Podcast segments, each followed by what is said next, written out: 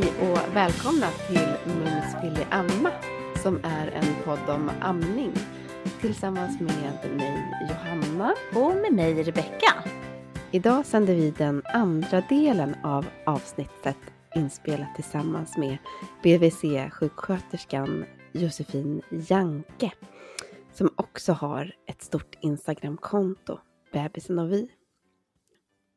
I avsnittet som vi sänder idag kommer Josefin mer att berätta om sina egna upplevelser av amning men fortsatt komma med bra tips och information. Vi hoppas att ni kommer att tycka om det. Varsågod Josefin. Mitt första barn föddes ju för snart 15 år sedan. Och ehm, då var, det var ju innan jag själv hade läst till distriktssköterska, innan jag jobbade på BVC och hade ju inte någon liksom erfarenhet egentligen vi var den första i vår bekantskapskrets som fick barn och sådär, så jag hade inte någon riktig koll på, på amning överhuvudtaget för, faktiskt, för jag kan säga. Och jag var 25 år och var väl som många i den åldern att jag var med både förlossning och amning och sådär att ja, ja, men det, det, det här funkar nog liksom, det går ju bra. Det, eh, det är väl inget man behöver läsa på om, det har ju folk alltid gjort liksom, lite sådär ja men så här, lite naiv, skön inställning och inte påläst alls. Sen blev det ju så att han föddes en månad tidigare än beräknat med akutsnitt. Vattnet gick och eh, han låg i fotsätesbjudning. Kom in på förlossningen, de kände en liten fot som stack ut ungefär. Mm. Så typ eh, två timmar senare så var jag förälder en månad tidigare än beräknat och det var inte riktigt som jag hade tänkt mig liksom. Mm. Såklart. Nej. Mm. Alltså, men, men, på något sätt så var det mindre chock än vad det kunde ha varit för att man, just för att jag var så inställd på att ja, men det blir som det blir och det blir bra. Eh, så det var inte någonting som jag upplevde som traumatiskt på något sätt eller så, utan det gick, det var som att ja, men det här gick ju bra. Men han var ju lite tagen ändå, så vi låg på neo första veckan. Så amningsstarten blev ju inte riktigt som jag liksom nu med min kunskap om amning och så, så gick det ju jättebra utifrån det. Men jag var inte ett dugg påläst om det, liksom det här att bebisen skulle ta sig till bröstet själv och betydelsen av att amma från början och så. Vilket var tur på sätt och vis, för det kunde han inte. Vi separerades ju flera timmar och han låg med CPAP och sådär och jag tror inte jag fick träffa honom på kanske tre, fyra timmar från början. Mm. Vilket, ja men verkligen så här tur att jag inte hade kunskap om saker för att jag kände inte heller någon stor sorg över det liksom. Att jag, jag visste typ inte bättre, eh, mm. vilket var ganska skönt på ett sätt. Mm, men jag fick ju som starta upp min amning genom att pumpa på neo. Och samma sak där, att hade jag ja, men, haft en oro kring sånt och så hade det varit jättejobbigt. Men nu gjorde jag som bara som de sa egentligen och upplever ändå att jag fick bra stöd från eh, personalen. Hur matade ni honom då? Var det genom sond eller? Ja, han fick sondmat och jag hade inte kommit igång så han fick ju donerad bröstmjölk i sond. Och sen började jag pumpa och fick igång mitt eget. Det enda jag minns från det var att det var så här, jag såg de andra nappflaskorna i kylskåpet som var så fyllda med mjölk. Och så tittade jag på min, så kom det liksom så här och det önskar jag att verkligen någon hade sagt till mig för det kom ju kanske 5-10 milliliter i mina liksom, mm. från början. Vilket mm. var normalt för det var ju så dag 3, dag 4, dag 5 mm. för mig och de andra de kanske hade legat på 9 och 2 månader, vad vet jag liksom. Mm. Precis, och det där, jag har en liten liknande erfarenhet hur man öppnar och man bara ser alla de här andra flaskorna. Ja! Oj, det var ju lite en konstig grej att man faktiskt aktivt jämförde sig för att man såg den andra mjölken. Ja, och jag tror inte jag hade en aning om vad kolostrum, alltså råmjölk var överhuvudtaget. Liksom, så, utan det var ju bara att, men ja, han fick ju det jag, det jag fick ut liksom. Och sen så fick jag ju hjälp med amningsträning och han kanske dag två, tre redan så kunde han ju börja amma, var ganska duktig på det själv liksom. Så det gick jättebra och när vi åkte hem från Neo så helammade vi efter en vecka. Ah. Så det, ja precis, så att i efterhand så kunde det inte gått bättre liksom allting säger ju att det borde gått väldigt mycket sämre än vad Ja, mm. jag blir jätteimponerad. Vad, shit, ja, men, ja, men det var inte beroende på att jag hade någon koll på amning överhuvudtaget utan det var också ganska mycket tur tror jag bara att han, jag fick en bebis som visste hur man gjorde, som inte var så mycket kämpigt med och jag kom igång med mjölken snabbt ändå liksom. Mm. Men konstig känsla att sitta där på Neo. Jag vet, det låg framme några sådana här Vi föräldratidningar man kunde sitta och bläddra på i sådana här pumpbås. Liksom. Alltså, Ah, och jag tänker bara i efterhand så här, nu hade jag ju velat ha min eget barn på bröstet samtidigt som jag pumpade Ja. eller någonting. Jag hade inte kunnat, jag hade inte gått med på att sitta i ett bås och pumpa med en sån här gardin runt omkring mig. Och så var det en plats för en annan brud. Det var två platser liksom. För då var det inte något familjerum eller så, utan ni hade liksom en neoplats men inte någon säng där du och den andra föräldern var i. Utan... Ja, sen fick vi familjerum. Ja, ni fick Eh, sen. ja. Mm. Men det var liksom, ja, nej, det var inte optimalt egentligen, men det gick ju ändå väldigt bra. Men det som var med honom sen var ju dels att vi började med mat från fyra månader. Ehm, och det var ju, rådet då var ju från fyra månader i och för sig, ja, ja det var det. Det var 2008. Men det innebar att vid sex månader så hade vi kommit upp i liksom rejält med mat. Han fick till exempel välling.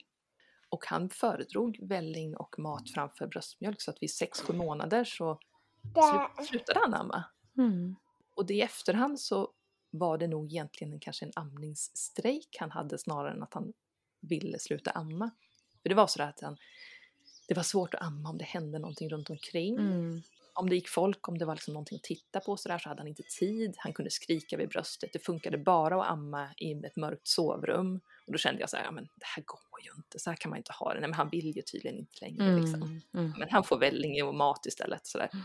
så hade jag inte gjort riktigt nu om det hade blivit samma Mm. grej. Då hade jag ju som, dels stått på mig och tänkt att ja, men det här är övergående. Det kommer, han, han kommer snart få tillbaka intresset för amning. Och sen hade jag inte övergått till mat och välling utan skulle man vilja sluta så tidigt så får man ju börja med ge mjölkersättning i så fall. Mm.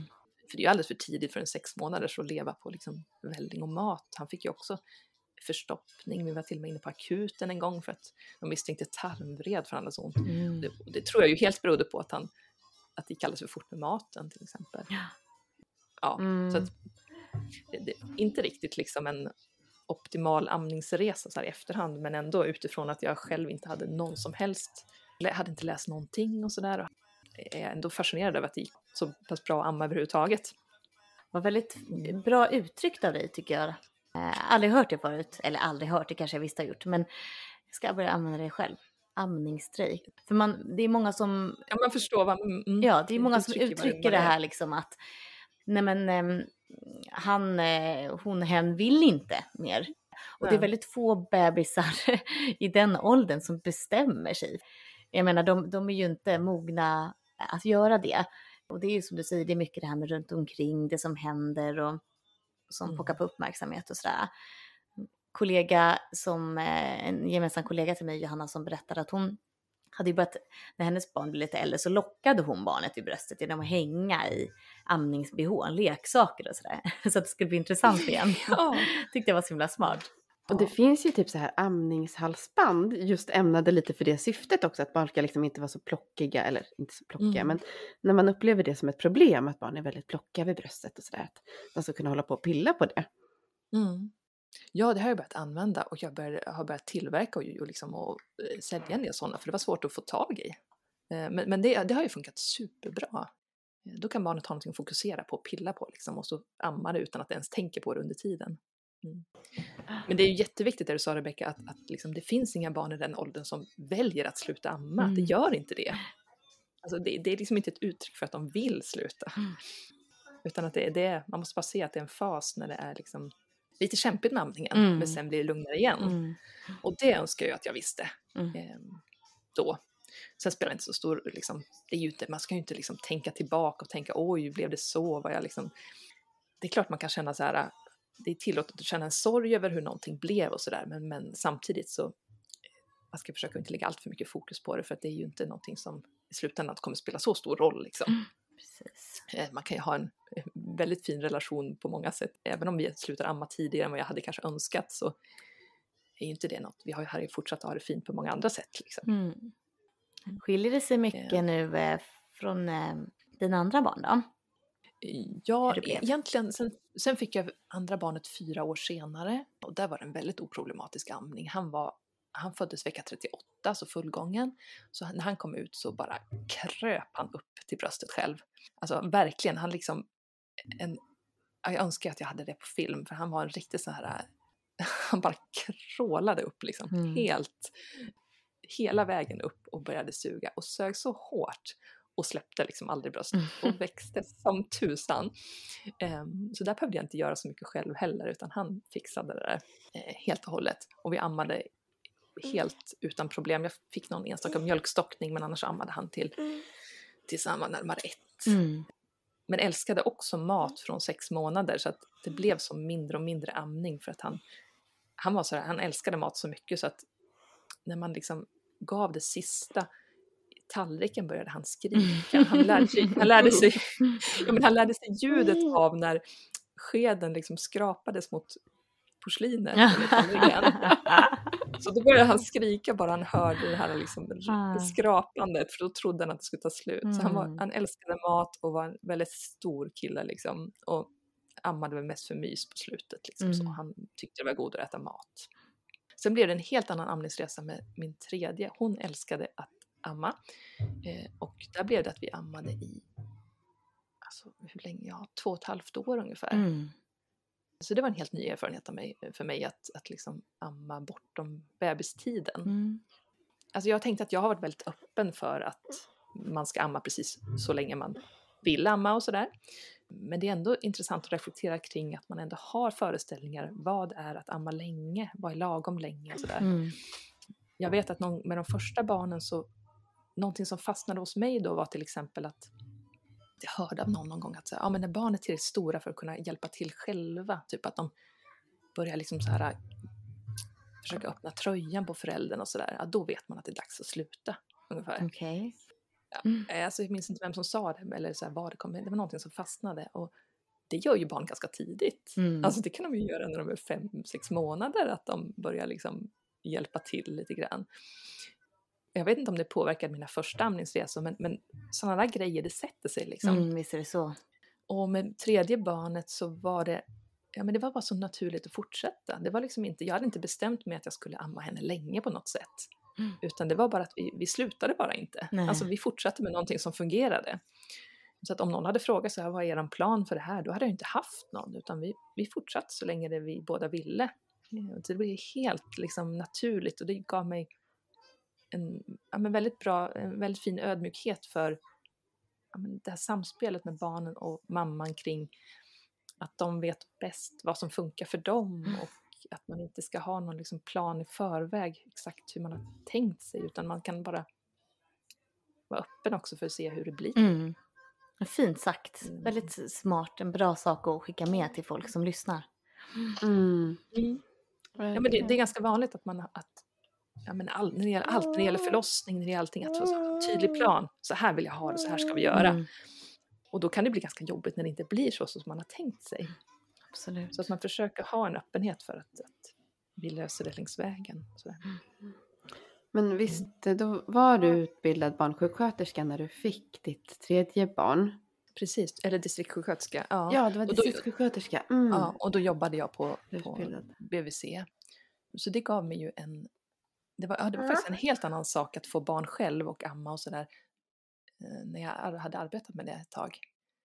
Ja, precis. För det var det som var ja. min fråga, liksom, ifall du kunde känna eh, att, det var, att det var skillnad. Ja, ja men det var det. Och det var, det var ju i samband med när hon var kanske ett halvår eller så som jag startade mitt konto också.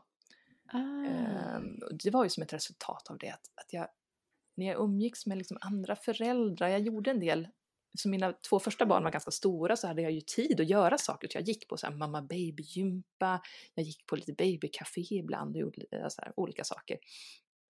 Vilket var supermysigt. Och då träffade jag ju många andra föräldrar och då var det som att, men, men, men, men bara vänta, alltså vad, vad, vad förväntar sig med föräldrar egentligen? Vad får de höra för någonting? Bara, nej, det här är ju liksom, så här kan vi inte ha det kände jag. Det var liksom så mycket, svårt att förklara, men till exempel när jag var på, på gymnastik ibland, så mamma baby gympa för att bli stark i mage, rygg och så efter förlossningen, så kunde en del föräldrar liksom låta bebisen ligga och inte någon så här för att shamea dem, men kunde låta bebisen ligga och skrika lite för att det var så viktigt att de skulle träna liksom. Färdigt. Medan jag kände att när mitt barn skrek så kunde jag ju inte fokusera på någonting annat. Då ville jag bara gå och lyfta upp henne och ha henne nära och sådär. Mm. Och det är inte som att jag upplevde att de tränade och var obrydda för att barnet skrek, utan de tränade och liksom kallsvettades av att de ville lyfta upp barnet, Mm. men att de borde typ träna. Alltså att den här liksom föreställningen om att barnet nästan är i vägen för det man ska göra, eller att man inte sätter barnet riktigt i... Återigen, det är inte för att liksom tänka att någon gör fel, men, men att sätta barnets behov i, i, liksom, i centrum, att det är okej att göra det. Mm. Det blev så tydligt för mig då att, att jag menar, visst, du kan gå och fika på stan med andra föräldrar, men om barnet skriker och visar att det inte är ett bra tillfälle idag, då kanske du måste ta barnet och liksom i sjalen och gå en promenad med det istället för att sitta och prata med de andra just där och då och att barnet är missnöjt. Liksom. Att, Mm. eller att du måste låta dem amma i kön på ICA, du måste låta dem sova när de är trötta. Liksom att, för så små barn så är liksom barnets fokus helt i behov. Mm. Eller i, det måste få stå i centrum, deras behov. Mm. Och när man inte gör det som förälder så blir det som en så total krock som bara leder till en massa stress för föräldern. Mm. Eh, Så i slutändan så var det inte att föräldern gjorde fel utan att föräldern eh, mår dåligt och är stressad i onödan som jag upplevde att många föräldrar var. Mm. Mm. Men- Men det där skulle jag vilja säga är liksom ett ja, men nästan samhällsproblem. Nej, men nu tar jag i lite väl. Men jag tänker att det här är media som speglar eh, föräldraskapet, hur det ska vara. Ja, De har stort ansvar i det här. att, att liksom barnet ska bara hänga med ungefär och bara liksom inte märkas av så mycket. Medan, du kan ju gå på mamma baby-gympa men om barnet då blir ledsen då sätter du dig och ammar det eller tröstar och sen så fortsätter du med på gympan när de har lugnat ner sig. Liksom. Det är inte hela världen. Sådär. Mm. Du, du kan liksom inte förvänta dig att du ska göra klart saker innan du tar hand om barnet utan för att det ska bli bäst för alla så får man ju liksom vara lite öppen för att man får göra det som behövs. Liksom. Sådär. Och det var då jag började skriva om småbarns behov, det här med närhetsbehov. På ett väldigt, eh, ja, bara för att jag hade tid över så började jag skriva lite om det. Och så blev det som att det bara, men oj, det här var ju, folk behövde tydligen höra sånt här, själv, som jag tyckte var väldigt självklart egentligen. Men att prata om liksom fjärde trimestern, om småbarns behov Mm. av att nära och amma ofta och sådana här grejer som att sova tillsammans med föräldrarna och sånt där, att det blir oj, det här behövdes verkligen. Jag har gjort många av de här sakerna utan att reflektera över det liksom. Men eh, jag har ju burit alla mina barn, eh, även det första för 15 år sedan i sjal liksom och sådär. Och samsovit med allihopa och så. Mm. Jag, jag blev som förvånad på något sätt när jag träffade så många andra föräldrar, både i jobbet men också som, framförallt då när jag var föräldraledig med privatet, att, att det var så stark eh, kultur kring det här med barns självständighet som inte jag riktigt var medveten om. Att den fortfarande var så stark liksom, norm i samhället på något sätt. Mm. Jag trodde att vi hade kommit längre än det, men Mm. det blev så uppenbart många sätt att vi inte hade det. Jag förstår det. Och nu har du ju du har ett riktigt stort konto och du lägger upp saker regelbundet, nya saker, matnyttig information och säkert saker som många ibland tycker känns lite självklara men det är så skönt att bli påmind och bekräftad att ah, det är nog rätt, jag är inne på rätt spår, jag, tänker rätt liksom när det gäller, gäller det här. Jag tror att, att bli bekräftad är jättestort. Mm. Ja, precis, så att många saker känns väldigt självklara men det är ändå det jag ofta får som svar är så här, men jag behövde verkligen höra det här idag. Mm. Det, här, det här behövde jag liksom. Att, Mm. Så att tydligen så, så är det ett behov, liksom, att man bara höra att det är okej att, det är ju- ganska konstigt egentligen, att det är okej att höra att det är okej att svara till barnets behov, eller hur? Mm. Det är ganska konstigt att det ens behövs egentligen. Ja. Ja, men precis. Jag tycker att det är så frigörande att du ändå har den eh, yrkesroll du har. Och för jag, jag upplever att det inte alltid stämmer överens med vad jag har fått höra både personligen och, och vänner och bekanta och så eh, när de har liksom eh, varit på BVC. Att du, du sitter där och du har ändå ja, du har ändå så mycket annat att tillföra tycker jag. Mm. Ja, men bra. Men, men det, jag tänker att det håller på att ske en skiftning också i... Många har kanske ändå varit lite från en äldre skola, eller vad man ska kalla det, som har jobbat. Det sker ju en generations, ett generationsskifte ändå inom personal också, sådär, så, som kommer ha andra. Jag tänker mina kollegor som jag jobbar med nu, så de flesta har ju typ samsovit med sina barn själva till exempel. Och, sånt. Ja. eh, och då är det ju svårt att som, som sitta och ge råd om, om det, man kan ju inte ge råd om att barn borde sova i egen säng och sömnträna om du själv har haft tre, fyra barn och sovit med dem och sådär. Då, då har du ju en annan förståelse för vad föräldrar går igenom. Ja men precis, för det där känns ju väldigt hett, eller har i alla fall varit väldigt hett tidigare. Så här, olika sömnmetoder, lära barn sova själv. Men det finns ju massa så här med femminutersmetoden och att man inte, har jag upplevt tidigare, pratat mycket om samsovning, men att jag tycker att det är mer sådana vindar nu, att man pratar mer om det. När jag började jobba så hittade jag på mitt jobb så hittade jag en back med broschyrer som hette, vad heter den? Nu kommer jag inte ihåg vad den broschyren heter, men det var den här eh, Bernt eh, eh, barnläkaren som har liksom den svenska versionen av femminutersmetoden. Mm. Att lära ditt barn att sova själv eller något sånt där.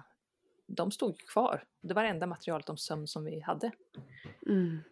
Eh, och det finns fortfarande inte, de har ju gjort oss av med, men det finns fortfarande inget material som har ersatt det. Det finns liksom ingen, ingen broschyr man kan ge ut om sömn eller sådär som vi har kunnat beställa eller hitta som är godkänd så att använda Nej. som ett alternativ.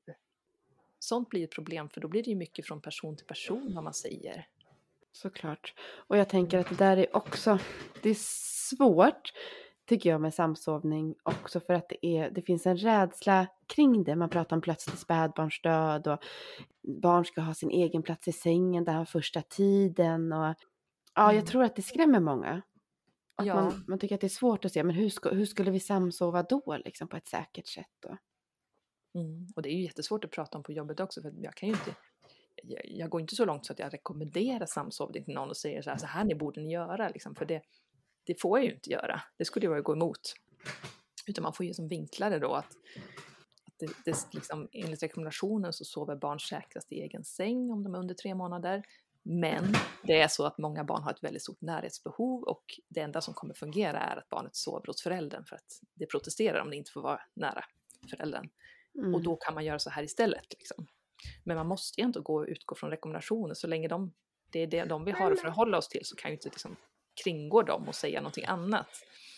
Ja, det, det är ändå, ändå klurigt. Det är för det, om man är lite mer stelbent och bara säger att rekommendationerna ser ut så här, så är ju, då kommer man ju inte längre. Liksom. Mm, nej men precis, och jag tänker att där kommer, det kommer ju komma säkert forskning som kan stödja oss i det här mer i framtiden, hur vi kan rekommendera kring mm. samsovning och samsovning och amning och plötslig spädbarnsdöd tänker jag amning också. Ja, det verkar inte så snabbt. Jag, jag brukar ju mejla med Socialstyrelsen ungefär en gång per år och, efterfråga. Det jag tänker att det är bra om fler gör också. Ja, det var ett bra tips. Eh, då brukar jag skriva så här, men hur, hur ställer sig expertgruppen till de här studierna som kommer? För det finns ju flera studier som visar en annan riktning än just den som eh, Socialstyrelsen baserar sina råd på. Och den är ju faktiskt börjar få en hel del år på nacken så att det skulle ju behövas någon ny genomgång. Men då har jag fått som till svar varenda gång hittills att det inte är planerat någon ny genomgång än. Det är inte det? Nej. Hmm. Ja, får se. För jag, men jag är mm. sån här optimistisk person i mångt och mycket. men visst, alltså, nu får du eh, rätta mig om jag har fel, vilket jag mycket möjligt har. Men den här studien som, som man har baserat rekommendationerna på, var inte det lite samsovning i soffa och så här? Nej, det, var, det, det, det är mm. faktiskt eh, helt felaktigt. Ja, ehm, men vad bra att jag, ja. att jag lär mig det och att alla andra hör det också. För jag tror att jag kan ha gjort någon sån referens på den tidigare. Ja, och det läser man lite här, här och då sådär. Men kollar man på, den heter Carpenter den studien. Eh, en av författarna heter Carpenter. Så söker man på Carpenter och så bedsharing så hittar man den. Det är inte en studie utan det är fem olika studier som är liksom ihopsatta till en, en sammanslagen studie. Eh, då har man justerat för. Man har inte tagit med till exempel samsovning i soffa och man har också justerat för liksom, man har tagit bort att det, det beror inte på rökning hos föräldrar och det beror inte på... Det som den har fått kritik för är att det finns inte uppgift till exempel om alkoholintag i tre av de här fem studierna. Vet man inte om föräldrarna har druckit alkohol. Okej. Okay. Och det är ju ganska väsentligt om man har gjort det eller inte. Och har du koll på hur, hur gamla de här studierna är som de här fem studierna? Har, har du det i bakfickan liksom? Nej, det, det har jag inte. Alltså den, eh, allting finns i den här, en vägledning för hälso och sjukvårdspersonal som är från Socialstyrelsen som heter Minska risken för plötslig spädbarnsdöd. Där har de gått igenom alla studier som liksom ligger till grund för det och sådär. 2004 är ju den sammanslagningen från, men de olika, de är ju från tidigare än 2004, de studierna som är liksom Mm. sammanställningar från 2004. Mm. Mm. Ja, jag ska kolla upp det och så Mm. får vi eh, helt enkelt prata om det i något Ja, avsnitt. det blir ju som ett helt avsnitt i sig. Exakt. Eh, Men en bra grej är ju absolut att, att mejla Socialstyrelsen och ifrågasätta. Gärna om man, Mm. om man jobbar inom området, alltså om man som barnmorska eller BVC-sköterska eller sådär, så tänker jag att det blir ännu mer tyngd i det. Verkligen. Ja, och det som är intressant är ju att de bara har baserat det på den studien, som visserligen är fem studier i sig, men det finns ju också studier som visar totala motsatsen. Viktigt som- att understryka just det. Ja, och det är ju li- lite märkligt att man inte har tagit med dem. Ja, det där med samsovning kan man ju prata om hur länge som helst. För många vittnar ju också om att de sover ganska bra sådär med samsovning. Men vi får väl se vad som händer. Mm. Eh, det blir spännande. Men jag tänkte Josefin, vi pratade ju lite om dina egna amningar och sådär. För nu har ju du ett ganska litet barn hemma också som du ammar just nu tror jag. Kan det stämma? Ja, absolut. Han ammar för fullt. Han har ju börjat äta lite vanlig mat också sedan han är åtta månader, men han ammar ju till absolut största del fortfarande.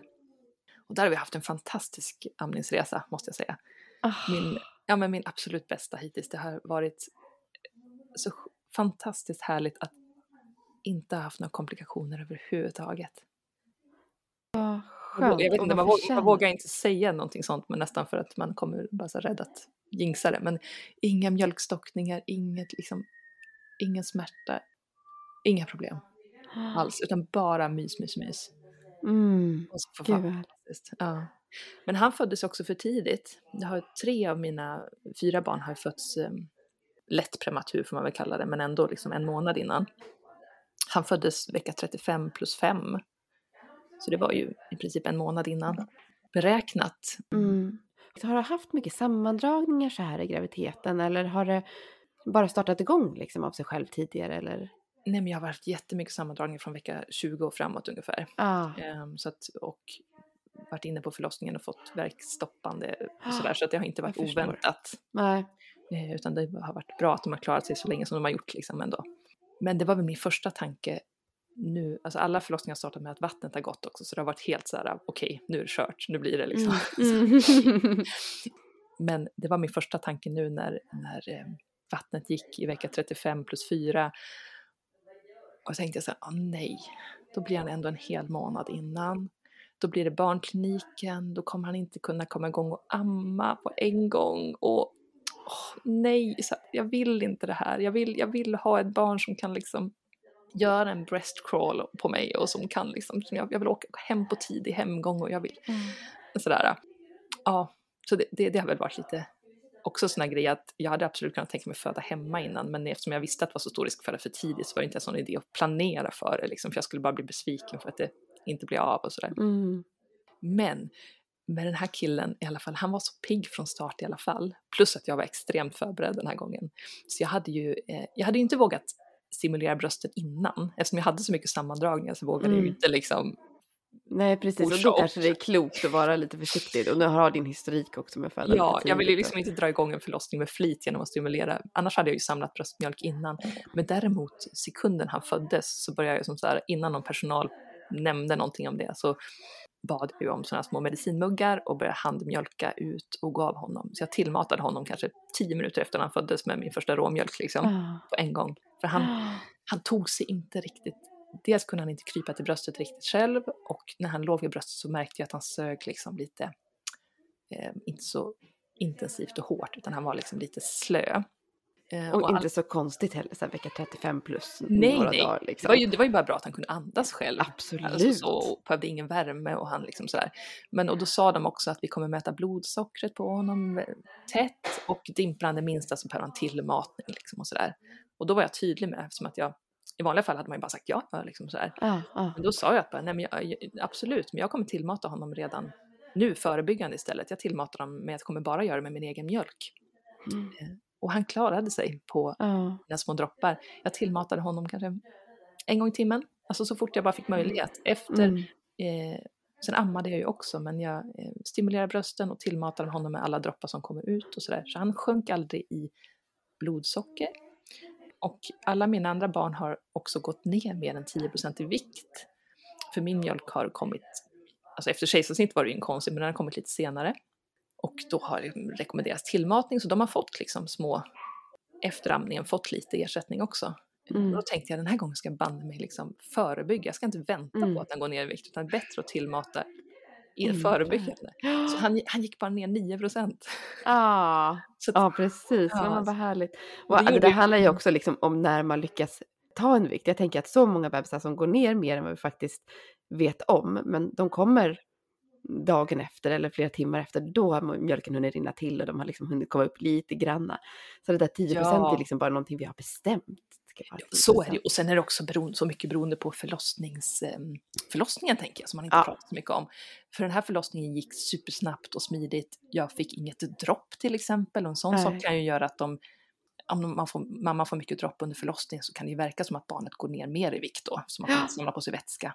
Precis, det där är viktigt, för Mm. det där tror jag faktiskt inte är så allmänt känt, eller jag är helt säker på att det inte är allmänt Nej. känt, att det faktiskt kan påverka den Ja. vätska som mamma får i sig under en förlossning. Alltså det är ju inte ovanligt, jag tänker så här långa förlossningar och så, att man Nej, får i sig en del. De flesta får ju nästan det. Alltså, Jag tänker hur många som, Ja. tar, som tar epidural och så Ja. får man liksom dropp för att man, så det är ju jättevanligt. Ja, precis. Så det är viktigt att ha i beräkningen och det är ju någonting man kan prata med sin barnmorska på förlossningen om och säga okej, men nu tänker man så här kring vikten, Mm. men det här, man får gärna fråga om sådana här saker liksom, och, och faktiskt ifrågasätta för att man har ju all rätt för att, att få motiverat varför man, man Mm. rekommenderar vissa saker och så vidare.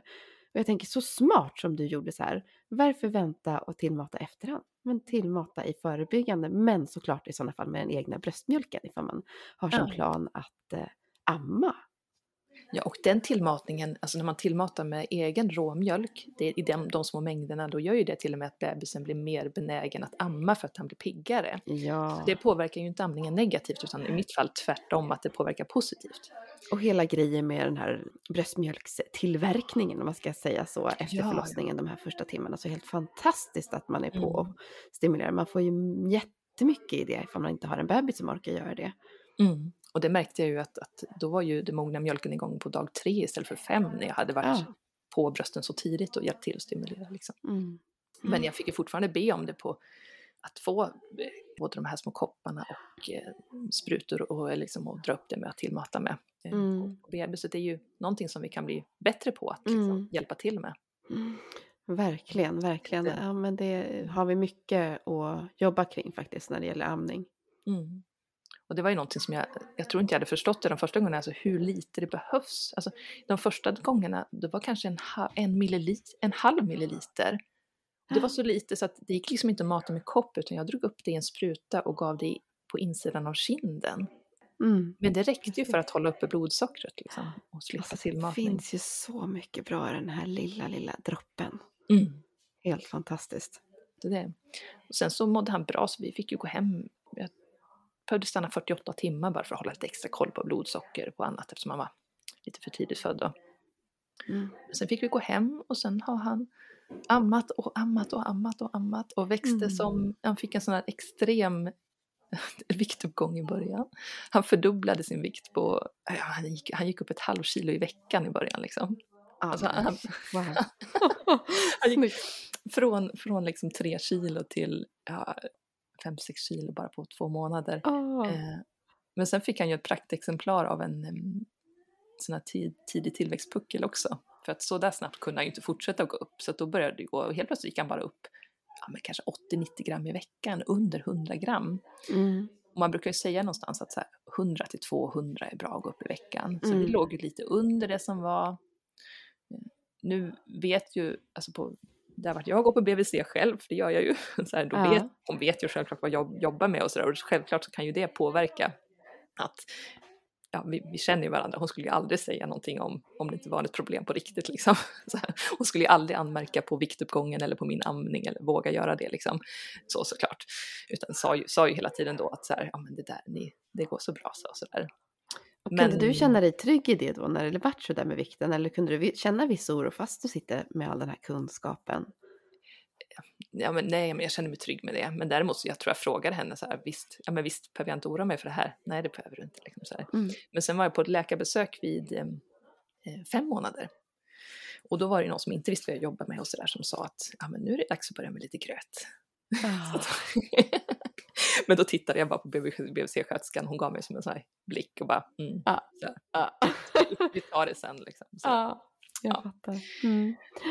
Precis, det- mycket att jobba med där också kring eh, mat och läkare. Och, ja. Ja, och, det, och de, det är ju, de kommer in och jobbar lite på BVC, läkare som inte, de har ju ingen som helst utbildning om amning. Det är ju en, en annan grupp som, eh, då är det ju bättre att inte säga någonting, utan Ja. överlämna den informationen till BVC-sköterskan och ge i så fall och bara fokusera på det som är rena läkaruppgifter.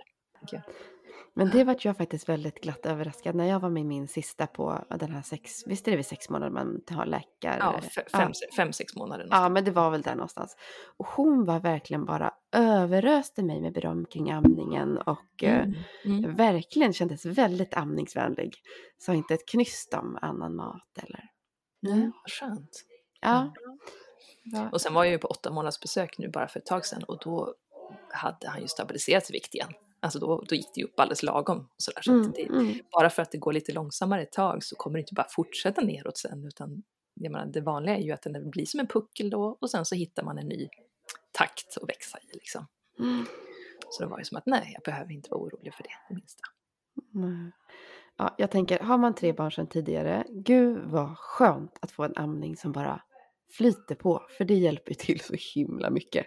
Ja, ja men verkligen. Det är liksom, det, annars, annars är det ju mycket fokus på amning om det krånglar och har man fler barn hemma så är det ju kämpigt. Liksom. Då Mm, kan det ju lätt bli så att det här, det här funkar inte, jag måste nästan lägga ner för jag har inte utrymme för det. Liksom. Mm. Så det är ju bara- Precis. Så jag hoppas att han är en sån där som vill fortsätta länge ändå. Och, för- om man ska ha någon plan så vill jag ju fortsätta i, ja, men i alla fall sådär två, två och ett halvt år var ju härligt förra gången. Mm. Mm, får se hur det blir då. Mm. Men det måste man ju öppen för att barnet också är med och bestämmer. Ja men precis, och det där kan ju vara så, vi hade också något avsnitt som, gud, vad händer om barnet aldrig vill sluta amma då? Hur gör man då? Ja men det vill de, det behöver man inte vara bekymrad över. Nej. Nej. Och vill de inte det så då, då, hittar man nog en tidpunkt där man själv känner att man behöver inte vara så, det det är klart att det ska vara så här att det är bra om saker är barnstyrda, men man behöver inte vara rädd som förälder att ibland så bestämmer ju föräldern Mm. också. Alltså nu har jag, jag har fått nog av det här, jag vill sluta. Mm. Då är inte det fel att göra liksom. Nej men verkligen inte, viktigt att lyfta. Ja, det, ibland är det så himla fokus på att det ska vara barnstyrt och allting, men det, så funkar ju inte livet heller, liksom, att, att barnet ska få bestämma allting jämt. Så det är inte farligt att gå in som förälder och säga att, att jag tycker det här är liksom räcker, eller det här, det här funkar inte för mig längre. Precis, och det, jag frågade dig förut, så här, finns det någonsin någon anledning till att avråda amning eh, för barnets skull? Och då svarar du nej, men, men då tänker jag att alltså för mammans skull så kan man ju absolut råda till det. En mamma som inte vill, en mamma som inte mår bra liksom, av att amma. Ja, Eh. ja det kan ju vara att om, om det bara är, har varit jättemycket problem, man inte får till det, hur mycket man kämpar med, det har Mm. varit återkommande mjölkstockningar, liksom sår och smärtor, eller om man har det här DMR, man Mm. får starka olustkänslor när man ammar liksom just vid utdrivningsreflexen eh, till exempel. Sånt. Det kan ju vara anledningar att sluta för att om föräldern inte mår bra i det då, då är inte det någonting som barnet mår bra av heller. Mm. Eh, sådär, så att det är ju inte amning till varje pris utan det är ju någonting som grunden ska ju vara att det är något som är positivt både för barnet och den som ammar. Liksom. Precis. Men det har varit liksom lite temat den här säsongen, helt omedvetet, lite mer långtidsamning jämfört med vad vi hade första säsongen. Ja. Eh, många som vi inte har vetat om, liksom, som har pratat om att de har ammat bortom bebistiden och till och med en bra bit längre än så. Så det har varit jätteintressant. Det här kommer faktiskt vara vårt sista avsnitt för den här säsongen. Så det ska bli spännande att se vad säsong tre har för tema, liksom oförberett tema. Men det kommer en säsong tre. Ja men vad roligt, vad bra. Mm. Fortsätt, Ja. fortsätt med det här. Mm. Ja, vi tycker att det är jättekul. Vi tror att det är jätteviktigt. Det har varit så himla nyttigt för eh, mig. Jag är helt säker på att jag pratar för Rebecka också, men hon har, hon har loggat ut här som ni kanske har märkt på tal om att man behöver ha barn i, i fokus. Hon har ett sjukt barn hemma som behövde henne helt enkelt. Men jag tror att eh, det är jättematnyttig information i det här avsnittet. Dels för vårdpersonal, men alltså för föräldrar också. Blivande föräldrar, mitt uppe i föräldraskapet. Och också får man ha liksom ganska stora barn tror jag att det kan vara fint att få höra de här sakerna. Att liksom, aha, det där kanske inte var så konstigt ändå. Och liknande. Mm. Så jätte, jätte, jätte tack Josefin för att du har delat med dig av din kunskap lite grann och också berättat om dina egna erfarenheter, för det tror vi är så viktigt. Mm. Jätteroligt, tack för att jag fick vara med. Och eh, då hörs vi andra som sagt i eh, höst igen. Vi ska försöka hålla vårt Instagram-konto lite levande. Men vi kommer absolut annonsera när vi börjar sända avsnitt efter sommaren igen. Så ta hand om er där ute och tack så jättemycket för att ni har lyssnat. Hej då!